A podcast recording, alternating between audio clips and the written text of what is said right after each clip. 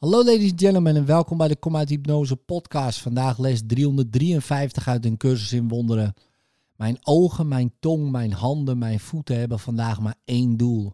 Aan Christus gegeven te worden om daarmee de wereld met wonderen te zegenen. Vader, ik geef vandaag al het mijne aan Christus om het op elke manier te gebruiken die het beste doel dient dat ik met Hem deel. Niets is van mij alleen, want Hij en ik hebben een gemeenschappelijk doel. Zo is de leerweg bijna tot zijn vastgestelde eind gekomen. Een tijd werk ik met Hem om Zijn doel te dienen. Dan verlies ik mezelf in mijn identiteit en besef dat Christus niets anders is dan mijzelf. In liefde, tot morgen.